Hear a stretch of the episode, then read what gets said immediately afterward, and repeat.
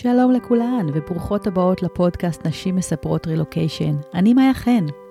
אם זו הפעם הראשונה שלכן כאן, הפודקאסט נשים מספרות רילוקיישן נוצר על מנת לתת מקום לסיפורים של נשים ישראליות מכל העולם שנמצאות ברילוקיישן. יחד אנחנו שומעות את הסיפור הייחודי של כל אחת, את האתגרים והקשיים שעברה ואת הצמיחה וההתפתחות שחוותה. אני מאיה חן ואני המנחה של הפודקאסט הזה. אני יועצת רילוקיישן לארצות הברית, אני מעבירה סדנאות לנשים לקראת הרילוקיישן, הרצאות בנושא רילוקיישן ותהליכי ליווי אישיים, הכוללים ייעוץ לוגיסטי וליווי רגשי ליחידים ומשפחות לקראת המעבר. בנוסף, אני גם מנהלת שותפה בקהילת ביחד ברילוקיישן בפייסבוק. גרתי עשר וחצי שנים בסיאטל עם בעלי ושלושת ילדיי, משם עברנו כל המשפחה לגור בישראל לשנתיים, וביולי 2023 עברנו שוב בחזרה לארצות הברית, והפעם לאזור אטלנטה במדינת ג'ורג'יה. היום אני רוצה לשתף אתכן בפרק מיוחד שהקלטתי יחד עם תאיר מורדוך. תאיר היא מנהלת קהילת הרילוקיישן נשים בעולם של הזדמנויות, וגם היא בוגרת שני רילוקיישן לטוקיו ולסינגפור, סך הכל שמונה שנות רילוקיישן. היא מומחית לרילוקיישן, מאמנת נשים ומלווה משפחות בתהליכי רילוקיישן. תאיר העלתה לאחרונה תוכנית אונליין בשם סודות הרילוקיישן, המורכבת מראיונות עם מומחיות תוכן בתחומי רילוקיישן שונים. וגם אני שם. פרטים נוספים על התוכנית אני אשים לכם בקישור בפרק, אבל בינתיים אתן מוזמנות בשמחה להאזין לשיחה שלי עם תאיר שנמצאת בתוך התוכנית. שתהיה לכם האזנה נעימה. טוב, אז היום uh, בסודות הרילוקיישן יש לנו פרק מיוחד, אנחנו מארחים היום את, אני מארחת היום את מאיה חן ואני מאוד מתרגשת, היא יועצת רילוקיישן, היא יוצרת הפודקאסט נשים מספרות רילוקיישן ומנהלת שותפה בקהילת ביחד ברילוקיישן בפייסבוק. מאיה עשתה שלושה רילוקיישנים, היא התגוררה עם משפחתה עשר שנים בסיאטל בארצות הברית, שנתיים בישראל והיום היא גרה שוב בארצות הברית, והפעם באטלנטה ג'ורג'יה. כיום היא מלווה ומייעצת למשפחות בתהליכי מעבר לארצות הברית, ומעבירה סדנאות לנשים לקראת רילוקיישן. אז איזה כיף שאנחנו uh, ביחד ואיזה התרגשות זה שאנחנו שתינו מנהלות בעצם uh, קהילות נשים, מי שלא מכיר אותי או מי שלא איכשהו הגיע לכאן ולא מכיר אז אני תאיר ואני מנהלת את קהילת נשים בעולם של הזדמנויות, יש בה היום 60 אלף נשים, הקמתי אותה כשאני בעצמי הייתי ברילוקיישן אחרי שמונה שנות רילוקיישן באמצע שלהם, אחרי סינגפור, באמצע סינגפור בעצם החלטתי שצריך קהילת נשים, היה לי המון המון שאלות המון המון קשיים ותסכולים והחלטתי אה, לאחד את כולם כזה אה, למקום אחד ו, וזאת הקהילה שאני מנהלת מאז שבע שנים כמעט. אז, אה, אז אני כזה רוצה לשאול אותך קודם כל מה הביא אתכם בכלל לרילוקיישן הראשון, איך בכלל יצאתם, מה קרה? וואו, אז קודם כל, איזה כיף שאני פה, וממש ממש ממש תודה שהזמנת אותי, ואני ממש שמחה אה, תמיד לבוא ולספר ולדבר. אז איך זה בכלל התחיל? אה, האמת שזה התחיל אה, בכלל כחלום של בעלי, זה לא היה חלום שלי, זה לא משהו שאני אי פעם חשבתי שאני אעזוב את ישראל, אני הייתי מאוד בן אדם של ככה לא אוהב שינויים, זה בטח לא שינויים כאלה גדולים, אבל uh, כמה מפגשים אחרי שהכרתי ככה את בעלי, התחלנו לצאת, הוא כזה אמר לי, תדעי שיש לי חלום של רילוקיישן, אז אם ככה זה משהו שהוא בכלל בכלל לא בסקופ שלך, אז אז אולי כדאי... זה מה שאני אמרתי לבעלי כשאנחנו הכרנו, כי אני חלום הרילוקיישן שלי היה חלום מגיל 14. וואו. אז את יודעת, אני הייתי מאוהבת, ואז ברור שאמרתי לו ככה, בטח, וברור, מי חשבת? את מתחילה לצאת עם מישהו, את לא חושבת מה יקרה עוד אה, שלוש, ארבע, חמש שנים קדימה. אה, אבל הוא אה, לא שכח את זה, וזה תמיד היה משהו ש, שהיה שם ככה מתחת לפני השטח. אה, ואז אחרי שנולדה לנו הבת השנייה, טליה, נוצרה הזדמנות, שזה היה ככה נוצרה והוא יצר אותה, כי איזה חבר לעבודה, הוא היה אז במייקרוסופט, בא ואמר לו אני עובר. אז ישראל כזה זרק לו, טוב, אני רוצה לבוא איתך, והוא לא ציפה שאותו בן אדם יגיד לו, קדימה, תבוא, אני עוזר לך, והוא באמת עזר לו להתחיל לקבל רעיונות עבודה.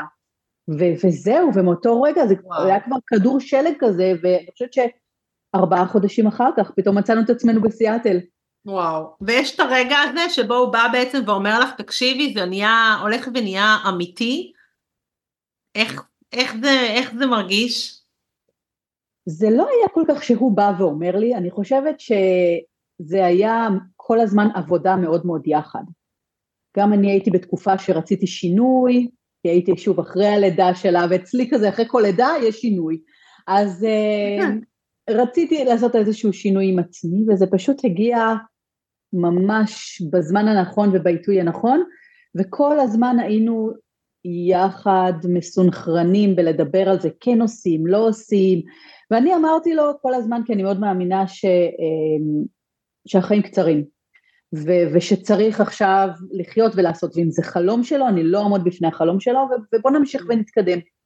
זה המשיך להתקדם. ואז אתם נוחתים בעצם עם שני ילדים? כן, שני ילדים. אורי היה בן uh, שלוש וחצי, וטליה הייתה בת תשעה חודשים, ממש ילדים וואו. קטנטנים. כן. אז אתם נוחתים שני, שני ילדים קטנטנים בסיאטל, שזה בטח כאילו מזג אוויר די קר. האמת שזה היה בדיוק ינואר, עוד כמה ימים, היום ה-11 ב-17 אה, לינואר, זה יציין את התאריך. היה מאוד קר, אפילו איזה יומיים אחר כך ירד לנו שלג, ככה לא ידענו בכלל אה, מה קורה מסביבנו, האמת שלא היה, אם, אם אנחנו חוזרות את השנים אחורה, אז לא היה פייסבוק, ושזה ממש על ההתחלה, התחלה, זה היה התחלה. את הקבוצות, ובטח שלא היה וואטסאפ, ולא אה, היה את כל העזרה הזאת שיש היום.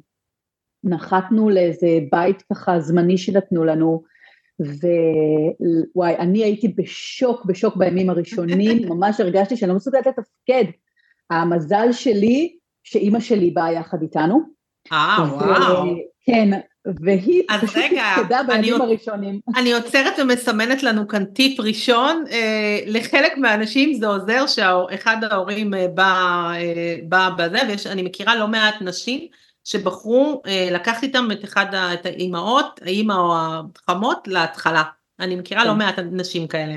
נכון, אני גם מכירה, וזה באמת מאוד מאוד עזר לי, שוב, כי אני מאוד אוהבת ומסתדרת עם אמא שלי, והיא גם בן אדם תקתקן כזה, שיודע ישר להניע את הדברים קדימה, זה הציל אותי, כי באמת הייתי במין תחושה כזאת של מה קורה פה. זאת הלם הלם של מה זה המקום הזה, לאן הגעתי, כמו שאת אומרת, שלג, חורף, שני ילדים קטנים, בית שהוא נראה אחרת לגמרי, אני אפילו זוכרת שהמיטות היו גבוהות, את כזה, מה זה המיטות הגבוהות האלה? אמ, באמת, הכל היה מוזר מוזר, זה מאוד עזר, זה בהחלט טיפ, אה, טיפ ממש חשוב. אז אתם uh, uh, מתחילים את ככה את מסלול הרילוקיישן שלכם, לאן זה לוקח אותך? ההתחלה הייתה, הייתי אימא במשרה מלאה. הייתי עם הבת שלי בבית, וזה גם מה שרציתי להיות, אז את יודעת, מה שהייתי בישראל, וזה גם מה שהייתי איתה, אבל זה לוקח אותי למקום של אה, המון, המון בדידות וקושי, כי אה, הייתי בן אדם מאוד פתוח, עם חברות בישראל, ויש משפחה, ופתאום אני עכשיו במקום שאני לא מכירה איך הדברים עובדים, אני לא מכירה אף אחד, אף אחד, זאת אומרת היה איזה מישהו אחד, אבל זה לא חברים או משפחה, ממש, והייתה שם המון, המון המון בדידות וקושי. את יודעת, את נמצאת עם הילדה שלך, באתי שירי חדושים, את מאוד אוהבת אותה, אבל כמה אפשר להיות ולשיר את השירים ו- ולדבר עם ילד בן תשעה חודשים שלא ממש מגיב לך, הרגשתי כזה שיש איזה, תמיד אומרת נוירון בודד שהסתובב לו ככה ו- ולא ידע מה לעשות, ואתה, התחלתי ככה להיות, הרגשתי איך זה מוריד, מוריד אותי. ואז שישראל באה הביתה בערב, איך זה, איך זה, איך זה פוגש אותו? אה, וואי, זה, אני מנסה לחזור, לחזור אחורה, כי דרך אגב, המעבר שלנו עכשיו הוא ממש אחר. ברור. אה, איך זה פוגש אותו? זה פוגש אישה ואימא שהיא די מתוסכלת, כי עכשיו היא הייתה כל היום עם הבת שלה בבית, פלוס סידורים וכביסה ובישולים וכל הדברים האלה. ו... ובאמת ניסיתי מאוד להכיל ו... ולהיות הבן אדם ה... שמקבל ומדבר ושואל, אבל, אבל זה, זה לא היה פשוט, והיו המון, את יודעת, היו המון חיכוכים, והיו המון קשיים וריבים, ו, ותחושה שלי שאני לא ממצה את עצמי, שאני יושבת בבית ו, ו, ואני קמלה, אני אגיד ככה. אני ממש זוכרת, אצלי אני כאילו ממש זוכרת שזה היה מעצבן אותי שגיא היה מתלבש לעבודה. הוא היה כאילו, הוא היה שם את החולצה ואת הג'קט, וכזה נועל את הנעליים, ואנחנו היינו ביפן, הכל כזה זה ממותג והכל כזה נורא יפה, ונכנס כזה לאוטו שלו, והבנות היו הולכות לבית ספר, ואני הייתי נשארת בבית, ואמרתי לעצמי, ואני מזכירה שאני חלום הרילוקיישן היה חלום שלי. נכון. אמרתי לעצמי, מה הקשר בין מה שהייתי לפני חודשיים ושלושה, שהייתי סמנכ"לית משאבי אנוש של חברות הייטק, ואחר כך הייתה לי חברת הסמאמי שלי, מה הקשר בין האישה הזאת שלפני שלושה חודשים לבין, לבין, לבין היום? כן. עכשיו אצלנו, אני את הבית שלנו ביפן פרקתי כבר עם, עם איזה חמישה יפנים שהסתובבו בדממה ופרקו את הבית, גיא נסע אחרי שבועיים או שלושה שהגיעה מכולה, כבר בכלל לא היה. הוא נסע, וואו. כי חלק וואו. מהזמן הוא עבד בטוקיו וחלק מהזמן הוא עבד בקוריאה. והוא, והוא נסע ואני נשארתי עם איזה, עם איזה חמישה יפנים שקטים לחלוטין עם uh, כפפות לבנות וגרביים לבנות שהסתובבו בכל הבית ובסימני ידיים אמרתי להם איפה הם צריכים לשים את הדברים ואמרתי לעצמי מה עשיתי? מה כן. עבר לי בראש? אני חושבת שהשאלה הזאת של מה עבר לי בראש היא שאלה שעוברת כמעט אצל כולם באיזשהו שלב של רילוקיישן. בהחלט. אולי זה הסימן, ה, לא יודעת, הכוכבית השנייה שנשים פה, את, את כנראה תפגשי את השאלה הזאת, זאת אומרת, כנראה שבשלב מסוים תפגשי את המשבר הזה של, של מה אני עושה כאן, מה עשיתי, למה הוא הולך לעבודה ואני לא במידה באמת ש, שבן הזוג מוביל את הרילוקיישן, ואז כאילו בעצם מה את עושה עם זה? אז קודם כל אני יכולה להגיד לך שגם היום, שזה הרילוקיישן בעצם כבר השלישי, אני קוראת לו השלישי, כי גם מבחינתי חזרה לישראל עשר שנים זה רילוקיישן לגמרי. נכון. גם היום השאלה הזאת מדי פעם עולה לי, כזה של אה, מה אני עושה פה, והאם זה היה הדבר הנכון, והאם זה נכון לי, והאם זה נכון למשפחה, אז זה ממש שאלה ש, שנמצאת, שנמצאת שם. לגמרי. אה, אז, אז מי שמקשיבה וכזה השאלה עולה לה, אז שתדעי ש, שאת הכי בסדר, כאילו, זה עולה גם לאנשים שכאילו אמורים להיות מנוסים ויודעים, ואני עוד עוזרת לאנשים לעשות רילוקיישן, מייעצת להם, ועדיין זה נמצא, זה נמצא שם. אני זוכרת שכשאני אה, אני מלווה, אנחנו עושות דברים מאוד דומים, אני מלווה גם נש, משפחות ברילוקיישן נשים, ותמיד אומרת להם, בחודשים הראשונים מדממים כסף. ואז. כל פעם שאני עושה את המעבר אני אומרת לעצמי, לגיא כזה, איך זה יכול להיות? איך זה יכול להיות שאנחנו בכאלה מספרים? איך יכול להיות? ואז אני אומרת לעצמי, תאיר, תזכרי שאת אומרת נכון. שבחודשים הראשונים מדממים כסף, כי זה עוד אחד מהדברים שהוא מאוד מאוד מלחיץ, בעיקר בהתחלה, שכזה אתה אומר לעצמך, אין לי שום שליטה על מה שקורה פה מבחינה כלכלית, לא התכוננתי לזה, וזה ממש לא מה שציפיתי לו. וזה כזה גם פוגש גם אותנו בכל אחד מהרילוקיישנים שלנו וגם בכל בשלושה שלנו וגם אני פוגשת את זה יותר ויותר אנשים שמאוד מאוד נבהלים גם מזה של אז מה עשינו כאן בעצם. נכון. אז בעצם ברילוקיישן הראשון את אה, מגיעה למצב הזה ואז מה מתחיל כאילו איך מתחילים לטפס למעלה חזרה. זה לקח לי אה, לא מעט זמן, ואני חושבת שמה שעשיתי, לא יודעת להגיד לך אפילו, לשים את האצבע על, על הדבר או מה הוציא אותי. אני חושבת שזה יכול להיות האופי שלי, אבל התחלתי לעשות פעולות. זאת אומרת, לדוגמה, היה לי כמה טלפונים של אנשים, כן, או אימיילים ככה שהשגתי מלפני, ואני זוכרת שפשוט, שוב, לא היה וואטסאפ, אז פשוט שלחתי אימייל לכל אותם אנשים, שלום, הגעתי, וזה היה לי הכי מוזר, אני פשוט יכולה להיזכר איך אני כאילו כותבת ואומרת לעצמי, מה את, מה הן חושבות עלייך עכשיו, שאת אומרת להם, איזה יופי, הגעתי, וכאילו, מי את? אבל פשוט שלחתי להם אימייל, שלום, הגעתי, ואני ממש אשמח להיפגש, אז הן מחזירות לך אימייל, זה לא הולך כל כך מהר, הקביעה הזאת, והתחלתי לקבוע פגישות עם, עם נשים ואחר כך הייתה איזה אה, אישה אחת פני מקסימה שיש לה שם גן, והיא גם הייתה אחת מהקונקשנים שלי, והזמינה אותי להגיע לערב נשים. ווואי, הרגשתי כזה, מה, איך אני אלך, אני לא מכירה שם אף אחת, זה הכי פדיחות, ואם אני לא, אני אעמוד בפינה ולא יהיה לי מי לדבר, אבל עדיין זה היה, את חייבת, אין לך ברירה, את חייבת. זאת אומרת, אני חושבת שהיצר ההישרדותי של אני חייבת להכיר אנשים, כי אחרת אני לא, לא אתמודד פה, היה יותר גדול, ופשוט הלכתי.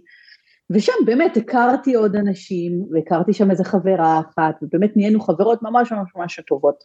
שוב, זה לקח זמן דרך אגב, כמה שנים, אוקיי? עד שזה קרה, עד שהחברות אה, נהייתה יותר ויותר חזקה. נהייתה יותר, כי כן, זה גם הרבה זה יותר פשוט... קשה, אני חושבת, עם סדרות מאשר עם ישראליות. כאילו הרבה פעמים ישראלית נמצאת במקום שבו את נמצאת והיא מתאימה, אז זה כאילו יכול להיות די מהיר כזה, ואז גם זה הופך להיות כזה כמו משפחה נורא מהר.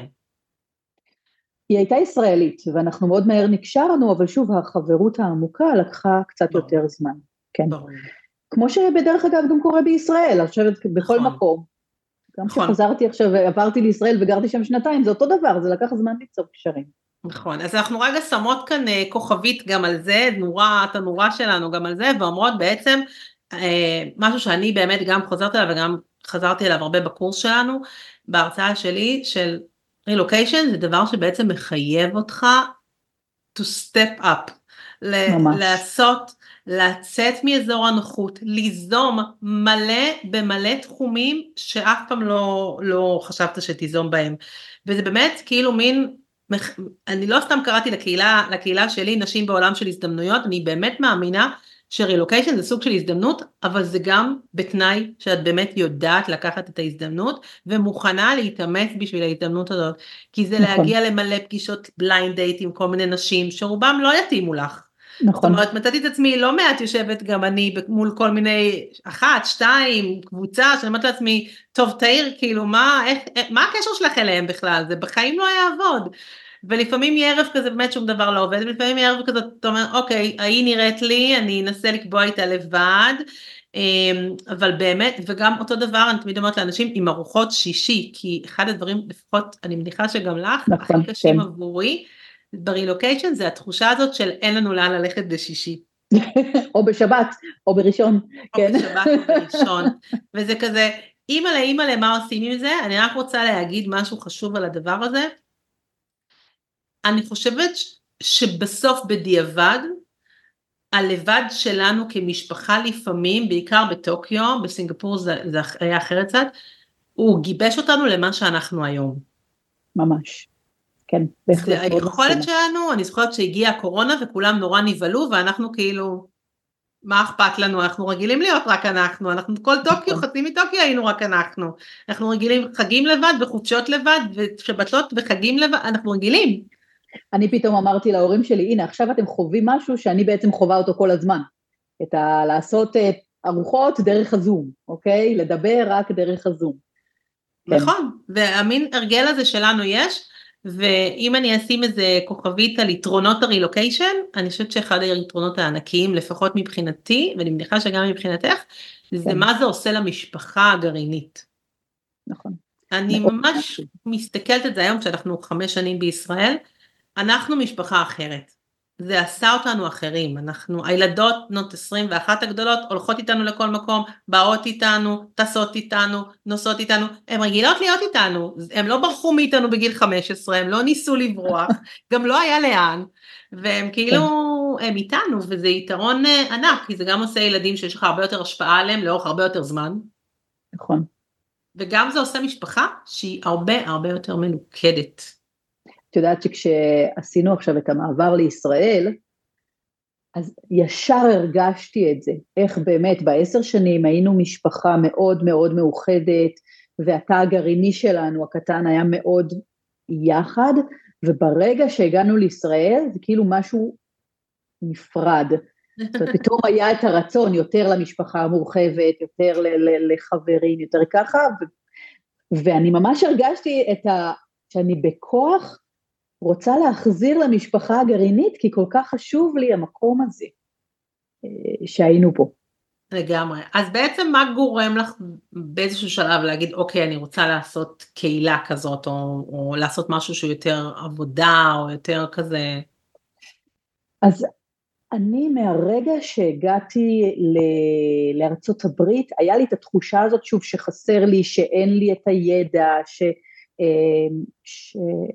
שאין לי מאיפה להשיג אותו, וזה נחרט בי כל כך עמוק שכל הזמן, על כל דבר שלמדתי, אם זה היה טיול, אם זה היה איפה לקנות, ממש ניסיתי אה, להעביר את זה הלאה. זאת אומרת, אנשים ידעו שאם יש להם שאלות, הם יכולים לבוא אליי, הייתי מין האב כזה של, אה, כן. גם אני הייתי ככה, כנראה שזה מה ש... של מידע. כי אני גם מאוד מאמינה בשיתוף ידע, ושאת יודעת שאין סיבה להמציא את הגלגל כל פעם מחדש. אז זה משהו שהיה אצלי כל הזמן, כל הזמן, אבל פשוט לקח לו זמן uh, להגיע החוצה, זאת אומרת לצאת החוצה, ודווקא הקורונה, שהייתה מקום שבו הרבה מאוד אנשים uh, לקחו צעד אחורה וקצת נכנסו פנימה, אני פרצתי, כי מבחינתי זה היה המקום, אוקיי, זה ההזדמנות שלך עכשיו לבוא ולעשות מה שאת רוצה כל השנים. ואז פתחתי בלוג, ואז הקמתי את הפודקאסט, נשים מספרות רילוקיישן, ואחר כך הצטרפתי באמת לקבוצת, אה, לקבוצה ביחד ברילוקיישן עם עוד שתי חברות שהכרתי שם, ו, וזה פשוט התחיל, התחיל להתגלגל, ו, וסוף סוף באמת היה לי את המקום הזה שאני יכולה לבוא ולהוציא החוצה את כל הידע שצברתי ככה במהלך השנים, או להוציא אותו נגיד בצורה אונליין, כי שוב, עד אז זה היה כזה מ... אה, בצורה כאילו יותר מובנית ויותר מסודרת, מובנית. וגם להגיע להרבה כן. הרבה יותר נשים. כן, נכון, נכון. אז אם את מסתכלת היום על קהילה, או על, מה ש... על, על המיזם הזה שהקמת, מה הוא בעצם? אמ, וואו, זה בית, זה בית לבוא ולדבר, לשאול, להביע את מה שאפשר, בית שהוא כאילו מקום שאפשר, שאת מרגישה מוגנת, אוקיי? שאת יודעת שאת יכולה לבוא ולספר ולא שופטים אותך ולא... ויש לך לגיטימציה לבוא ולהעלות את כל הקשיים וגם את הדברים הטובים. כי הרבה פעמים באמת כשאנחנו ברילוקיישן, או אני הרגשתי את התחושה הזאת שלא היה לי לגיטימציה לבוא ולהגיד שקשה לי, כי את אמורה לבלות, את רצית את זה, כמו שאת אומרת, את רצית את הרילוקיישן, אז את נשארת שם, אז, אז מה הבעיה, מה זה הקשיים שלך, לא טוב לך, תחזרי, אבל זה, זה לא ככה, ו, ומאוד חיפשתי את המקום המכיל הזה, ואני חושבת שמבחינתי הקהילות האלה, הקהילות, הקהילה שלך שהייתה בהתחלה, באמת הקהילה שאנחנו אחר כך בנינו, זה המקום שלהם, לתת את התחושה שאנחנו לא לבד, שיש פה עוד אנשים, וגם הפודקאסט שלי בעצם, רציתי להראות, הסיבה גם שקראתי לו נשים מספרות רילוקיישן, רציתי להראות שנשים בכל העולם חוות את אותן תחושות. נכון. וזה, אני חושבת, כשאת מרגישה ואת יודעת את זה ואת מבינה את זה, את מרגישה פחות חרדה, קצת פחות לבד. נכון. אני זוכרת ש... ששוב אחורה כשגיא היה מגיע הביתה אה, בערבים ואני הייתי כמו שאת אומרת כזה מאוד ממורמרת ומאוד מתוסכלת, לא היה לי אפילו את, ה... את המילים להסביר לו, תמיד הייתי אומרת שאני מרגישה כאילו גיא חושב בראש מה אני הבאתי איתי את, את האישה הכי ממורמרת שיש לרילוקיישן הזה. ו... ואני זוכרת שהייתי, לא היה לי את המילים להוציא בגלל ש... כשהייתי מתקשרת לחברות שלי, אז הן היו אומרות לי, כמו שאת אומרת, כן. מה רע לך, אין לך פקקים, יש לך זמן לפילאטיס בבוקר, אה, את יש לך זמן עם הילדות שלך אחר הצהריים, תגידי את חיה את החלום, יש לך, ועוד סינגפור כן, עוד בטוקיו יש לך עוזרת בבית, מה, כן. מה קורה, מה, מה פספסנו? ו... ואז הייתי מתקשרת להורים שלי והם אומרים לי, אבל אם לא טוב לך אז תחזרו. בדיוק, אז תחזרו. ו... ו... ואז גיא היה מגיע הביתה, והוא זה שהיה עליו, הלחץ של הפרנסה, והלחץ של לבנות עסק בסינג, בטוקיו, והמתח של הכל, והוא היה מסתכל עליו והיה אומר לי, תאיר, את יכולה להסתובב בכיף שלך ברחובות טוקיו, למה את לא עפה על החיים? ואחת הסיבות שאני החלטתי להקים את הקהילה הזאת, זה כי אני הבנתי שלי מול גיא אפילו, ומול האחיות שלי, ומול החברות שלי, ומול ההורים שלי, לא היה לי את המילים להסביר להם כמה אני מתוסכלת ולמה. Mm-hmm.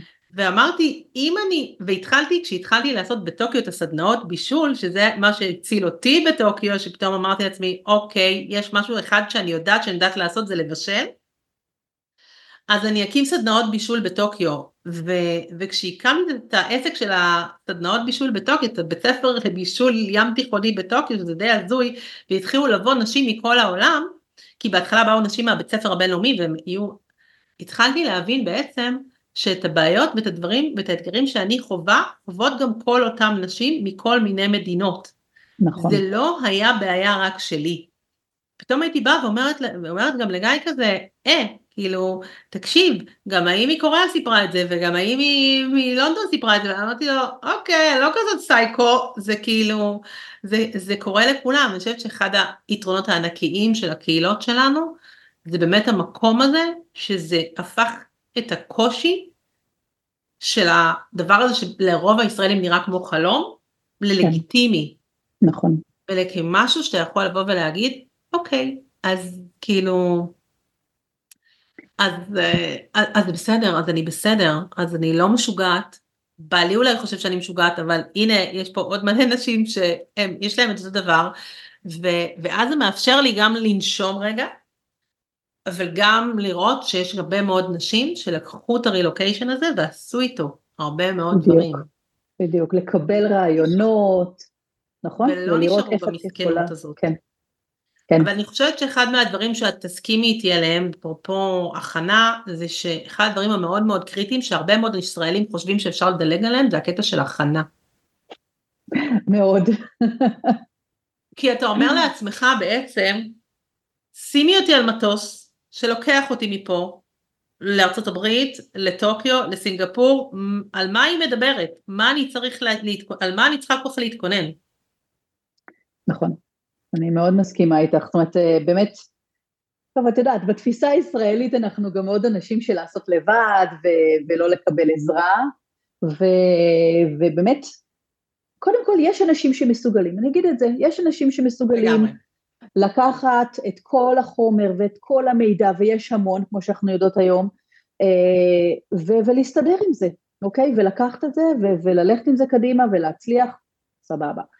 אבל באמת יש גם הרבה ש, שצריכים את הליווי, וזה בסדר לבוא ולהגיד, וזה אפילו חשוב לבוא ולהגיד, אני לא יודע, אני צריך מישהו שנמצא שם, שעשה את זה כבר לפני, הוא יכול לעזור לי, ולמה, למה לא בעצם, נכון?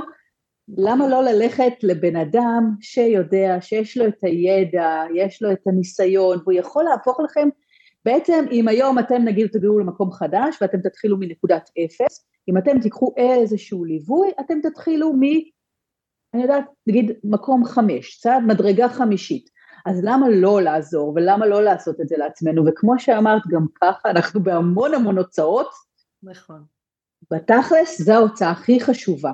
כי נכון. הליווי, הבן אדם שנמצא יחד איתך, שמגבה אותך, ש... שיכול לתת לך את, ה, את הכתף הזאת, ו, והקשיים הם הרי, כמו שאנחנו יודעות, הם לא רק לוגיסטיים, כי, כי הם לא רק הלפני, הם גם ברגע שמגיעים, ואיך אני מתמודד עם כל הבדידות, ואיך אני מתמודד עם, עם להכיר חברים, ועם ילדים בבית ספר, וקשיים שבאים, ואני עוד לא מכירה, אני עוד לא יודעת מה נמצא פה מסביבי, נכון. אז זה כל כך כל כך חשוב לבוא ולבקש עזרה ו- ולקחת עזרה, שבאמת, וכל, וכל דבר שתבחרו וכל עזרה שתבחרו היא לגיטימית, זה מה שאני רוצה להגיד, נכון. אבל תשתמשו. נכון, תשתמשו. לא סתם, נכון, זה בדיוק ככה, אז אני אומרת כאילו, ייעוץ, לא סתם עשיתי את הקורס הזה, כי אני פשוט רואה את מיליון, את התוכנית הזאת, כי אני רואה את מיליון השאלות של נכון. איך מתחילים ומאיפה זזים ומה עושים, והתוכנית באמת לקחה את כל המומחיות בתחום הזה ואיגדה אותם ביחד פשוט כדי שאנשים יהיה להם את התשובות הכי פשוטות, הכי, הכי, לזוז, כי, כי גם באמת להמון אנשים רילוקיישן הוא חלום, ו, וכאילו, ו, ולמה לא. אז מה היתרון, ובזה נסיים, מה, מה הדבר הכי גדול שלמדת על עצמך ושלקחת מהדבר הזה שנקרא רילוקיישן? וואו. אמ, לקחתי את העובדה שאני יכולה, שיש לי את היכולות האלה בתוכי, גם אם בהתחלה לא האמנתי בעצמי, וזה לקח זמן, אבל שאני, יש לי את היכולות האלה של היוזמה ושל העצמאות, אה, של לקחת את הדברים קדימה ושל לעזור לאנשים אחרים, יש לי את זה בתוכי, ואני פשוט צריכה לבוא ולהוציא את זה החוצה. והרילוקיישן הוא באמת, כמו שאת אומרת, הזדמנות לבוא ולהיות מי שאת באמת רוצה. ולאו דווקא מי שלמדו והכירו אותך מהגן, מהבית ספר וכולי. הזדמנות לקחת את כל היכולות ואת כל הדברים הכי טובים שאת יודעת לעשות, ולבוא ולעשות אותם, אז למה לא? זה באמת המסר שלי, ללכת ולעשות. ומה החלום? החלום להמשיך לעזור לאנשים לעשות את זה. זאת אומרת, להגיע לכמה שיותר אה, משפחות ונשים ו- ולעזור להם כדי שלהם, או מי, אתם עכשיו שמתחילות את, ה- את התהליך הזה, שיהיה לכם קל יותר, שיהיה לכם ברור יותר, שתדעו שיש לכם גב, ו... ואני ממש רוצה להגיע לכמה שיותר אנשים ולהגיד להם, אני פה בשבילכם, אני יכולה לעזור לכם, יש לי את הידע, יש לי את היכולות, ותעזרו, תעזרו בכל דרך שאתם יכולות. וואו, מה זה היה שיחה אה, מהממת לדעתי. ו... איזה כיף, ממש נהניתי.